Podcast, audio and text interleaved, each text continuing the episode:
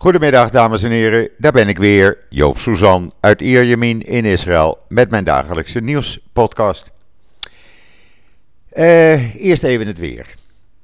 Het is wat koeler, ja echt, u moet me geloven, het is 35 graden. En uh, ja, dat is gewoon lekker. Uh, het is niet zo drukkend heet meer en je merkt het verschil. Maar het is maar een paar dagen. Na donderdag gaat het weer oplopen, 37, 38 graden. Dus we genieten even van deze heerlijke temperatuur. En voor de rest, blauwe lucht, een briesje. En uh, ja, uh, zeewater nog steeds 31 graden. Daar moeten we het dus maar mee doen. En dan kom ik even terug op de podcast van gisteren, waar ik een, uh, een lang gesprek had met mijn oude vriendje uh, Rob Heilbron over zijn boek Winnen. Uh, nou, ik heb zelden op een podcast zoveel reacties gekregen. Echt. De mailtjes, de DM'tjes, uh, het stroomde binnen. En ook Rob heeft enorm veel reacties gekregen. Waarbij veel mensen zeiden: Nou, we gaan meteen naar de boekhandel. En ach, wat is dat leuk als je zo lang met elkaar bevriend bent. Dat is toch wel heel apart. Ja, dat is ook heel apart. En ik hoop dat u dat allemaal heeft kunnen merken in die podcast van gisteren. Heeft u hem nog niet beluisterd? Ga hem even luisteren. Hij staat op uh, israelnieuws.nl op maandag.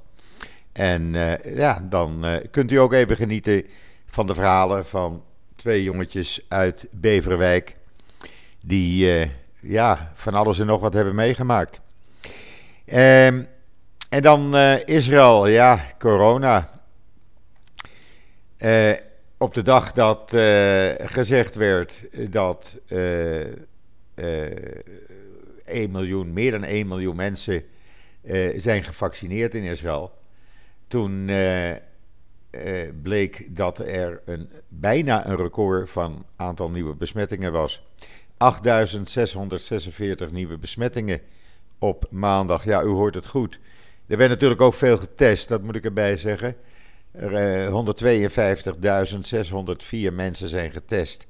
En het blijkt dat 6,2% op het ogenblik uh, van iedereen die getest wordt positief is.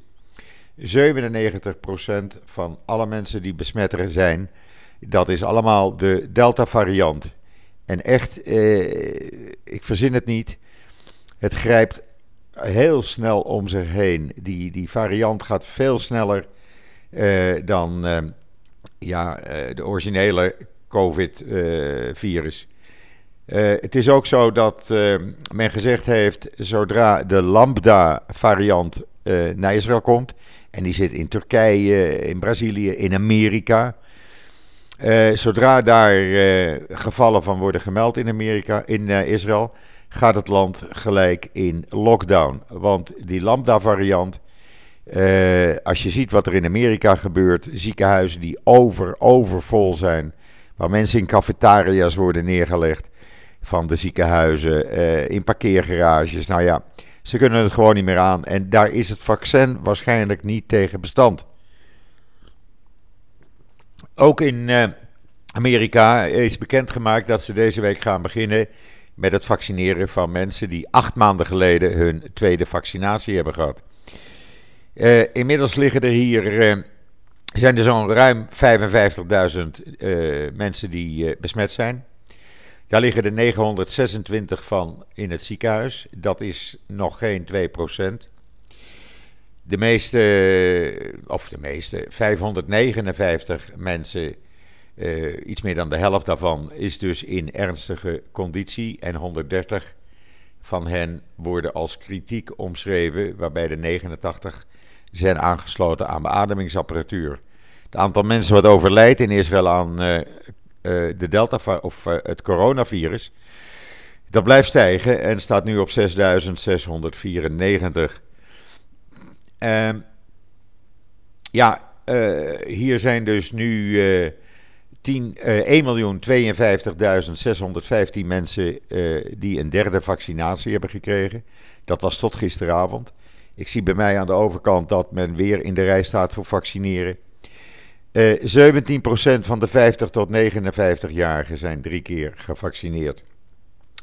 Ruim 51% van de 60 tot 69-jarigen.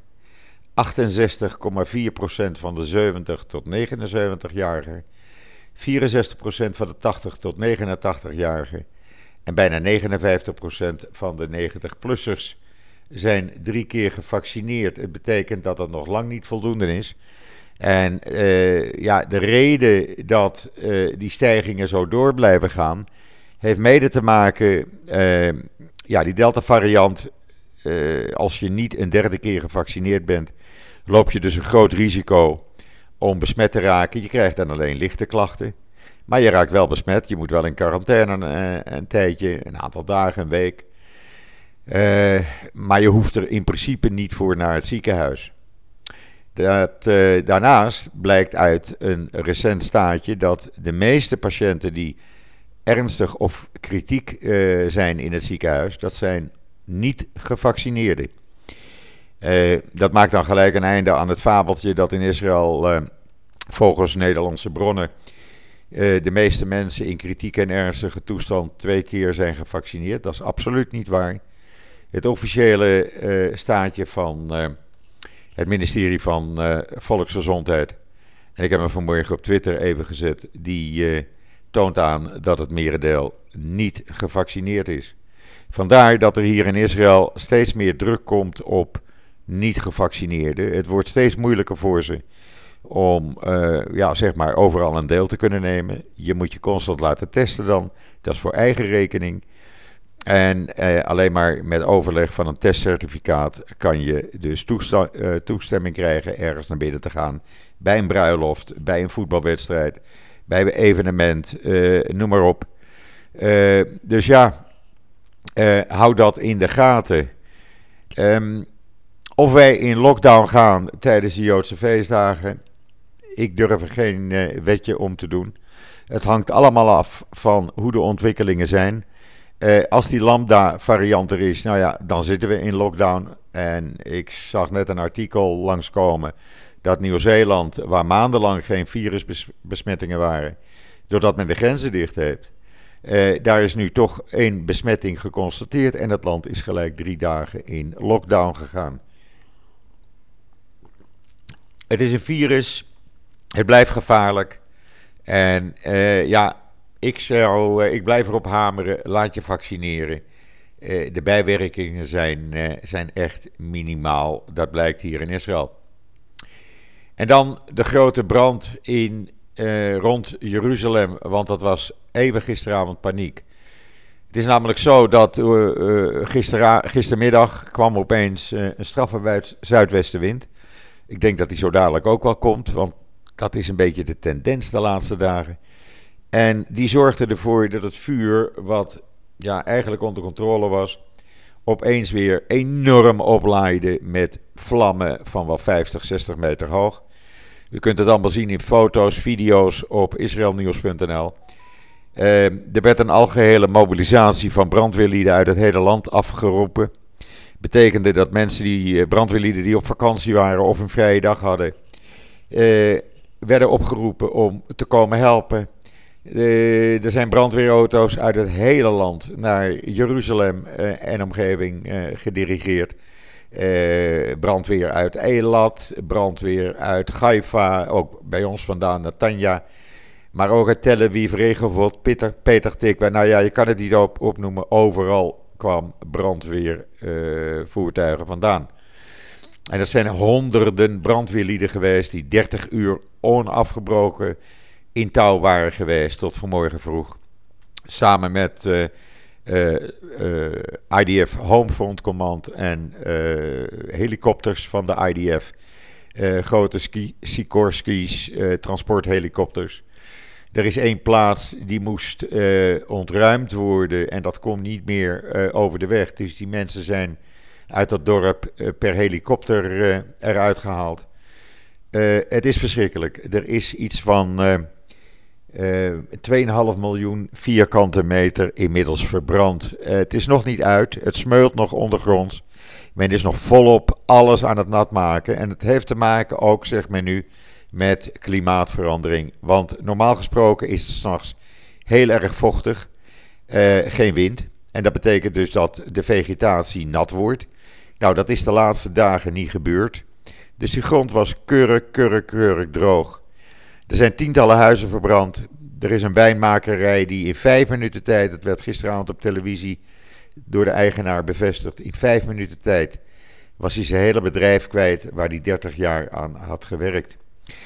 Uh, er was een uh, Amerikaans, ouder Amerikaans echtpaar, wat al 40 jaar in de heuvels rond Jeruzalem woont. Daar een uh, retreat heeft voor yoga, muzieklessen, etc. het huis staat nog overeind, de rest is weg. Mensen konden zich niet verzekeren omdat de verzekeringsmaatschappij zegt: ja, jullie wonen in de bossen, dat risico is ons te groot, wij verzekeren jullie niet. Mensen zijn nu al hun muziekinstrumenten kwijt die ze 40 jaar lang hadden gespaard. Het, uh, ja, het huilen staat je nader dan het lachen als je die reportage op de Israëlische televisie ziet. Want het is, het is triest. Uh, mensen die uh, alles moesten achterlaten en in bussen werden geladen en moesten vluchten zo snel mogelijk, omdat die vlammen, nou dat ging met meters per seconde richting Jeruzalem. Het heeft ook de buitenwijken van Jeruzalem bereikt. Eh, daar staat ook het Hadassah en Kerm ziekenhuis. Ik ken die omgeving erg goed, want ik heb vroeger, in het begin dat ik in Israël kwam, in Mevaseret Sion gewoond. Dat is in dat uh, gebied. En het Hadassah ziekenhuis, dat ligt aan de Sataf-vallei, een prachtig natuurgebied. En door die Sataf-vallei, dat is een soort, ja, zeg maar, een, soort gleuf dan, kwam dat vuur aangewakkerd richting het ziekenhuis met duizenden patiënten. En men maakte al plannen, maar had ze klaar om het ziekenhuis te ontruimen. Maar gelukkig, men heeft een, uh, op tijd een hele ring van brandweerauto's rond dat ziekenhuis uh, neergezet. Die zijn gaan, ja, gewoon water gaan sproeien. En hebben daardoor kunnen zorgen dat het ziekenhuis vrij van brand bleef. Het blijft natuurlijk een zorgenkindje, want ja, je weet niet wat er nog gaat gebeuren. Men heeft gezegd van, dat het gevaar nog niet geweken is. Het zal nog een paar dagen duren. De buitenlandse hulp die men gevraagd had en die ook aangeboden was door Griekenland en Cyprus bijvoorbeeld, die heeft men op dit moment nog even afgezegd, want men kan het zelf aan. Er is wel, dat zijn mooie berichten, de verschillende berichten in de Hebreeuwse pers, dat ook brandweerauto's uit Jordanië kwamen helpen. En dat is natuurlijk een uh, bijzonder gebaar. En uh, ja, dat wordt ten zeerste gewaardeerd. En nog steeds is er, uh, is er dus brand. Men is nog steeds overal in dat gebied aan ja, het, het, het, het blussen, het nat houden, het nat maken van de vegetatie. Het is één groot zwart-grijs geblakerd gebied geworden. Dat gaat weer vijf, zes jaar duren voordat het groen te zien is. We hebben dat in 2014 ook meegemaakt. Bij de enorme brand in de Karmelgebergte. Waar dit mee wordt vergeleken. En ja, dat was een afschuwelijk gezicht. Maar een paar jaar later is, was alles weer groen. En als je nu rijdt, langs rijdt, zie je er eigenlijk niets meer van. De natuur herstelt zich, maar de schade voor de mensen, ja, dat is onbetaalbaar. Het is verschrikkelijk.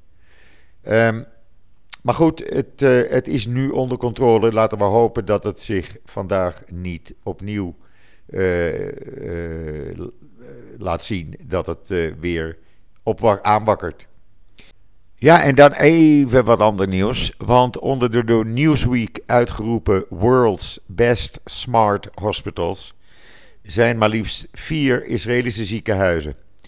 Uh, dat is het Sheba Medical Center, het Tel Aviv Soroski Medical Center, oftewel Igelov ziekenhuis, het Hadassah Universitair Medisch Centrum en het Rabin Medical, Medical Centrum. Die staat op plaats 215. Maar het is wel bijzonder dat er vier Israëlische ziekenhuizen opstaan uh, op die lijst. Uh, dat is een internationale lijst. En die ziekenhuizen die, uh, ja, die, die, die houden zich bezig met de laatste technologieën. Met robots, datagestuurde gegevens, noem maar op. Slimme technologieën. En ja, Israël is een soort start-up nation. Ehm, en het is mooi dat er vier Israëlische ziekenhuizen dus op staan. Maar ik zeg erbij, ook het Nederlandse Erasmus Medisch Centrum staat erop. Die staat op plek 85. Uh, dus dat is hartstikke mooi. Het Sheba Medical Center trouwens staat op plek 13. En dan is er een Israëlisch bedrijf. Die heeft de oplossing voor uh, ja, als je online uh, supermarkt aankopen doet. En je wil een winkelgevoel hebben. Nou, daar hebben ze een programma voor gemaakt. Dat is nu in gebruik bij allerlei supermarkten. En dat zal misschien ook wel in Nederland dan gebruikt gaan worden. En dat geeft je het gevoel dat je dus uh, echt fysiek in een supermarkt bent. Het houdt ook rekening met je eerdere aankopen, dus je hoeft niet zo lang te zoeken. Uh, er is een uh, video in het artikel op israelnieuws.nl, dus ik zou zeggen, lees het even en kijk het even. En dan ja, er is onlangs een enorme aardbeving geweest op 14 augustus in Haiti. En opnieuw zijn er twee Israëlische hulporganisaties, Smart Aid en Israel Aid, die uh, uh, hulpteams naar Haiti hebben gezonden om daar de mensen te helpen. Er zijn uh, inmiddels ruim 1300 mensen overleden. Er zijn meer dan 5700 mensen gewond. Men verwacht een enorme storm. Dus de Israëlische hulporganisaties hebben gezegd: wij gaan daar helpen. En zij proberen nu zo goed als zo kwaad als het gaat om de mensen daar te helpen. Mooi initiatief, wat je alleen maar kan, uh, kan toejuichen natuurlijk. Ja, en voor de rest, ja, voor de rest wachten we af wat het, het coronavirus hier in Israël gaat doen. Ik zal ondertussen even kijken op de staat van het ministerie van Volksgezondheid naar de laatste update.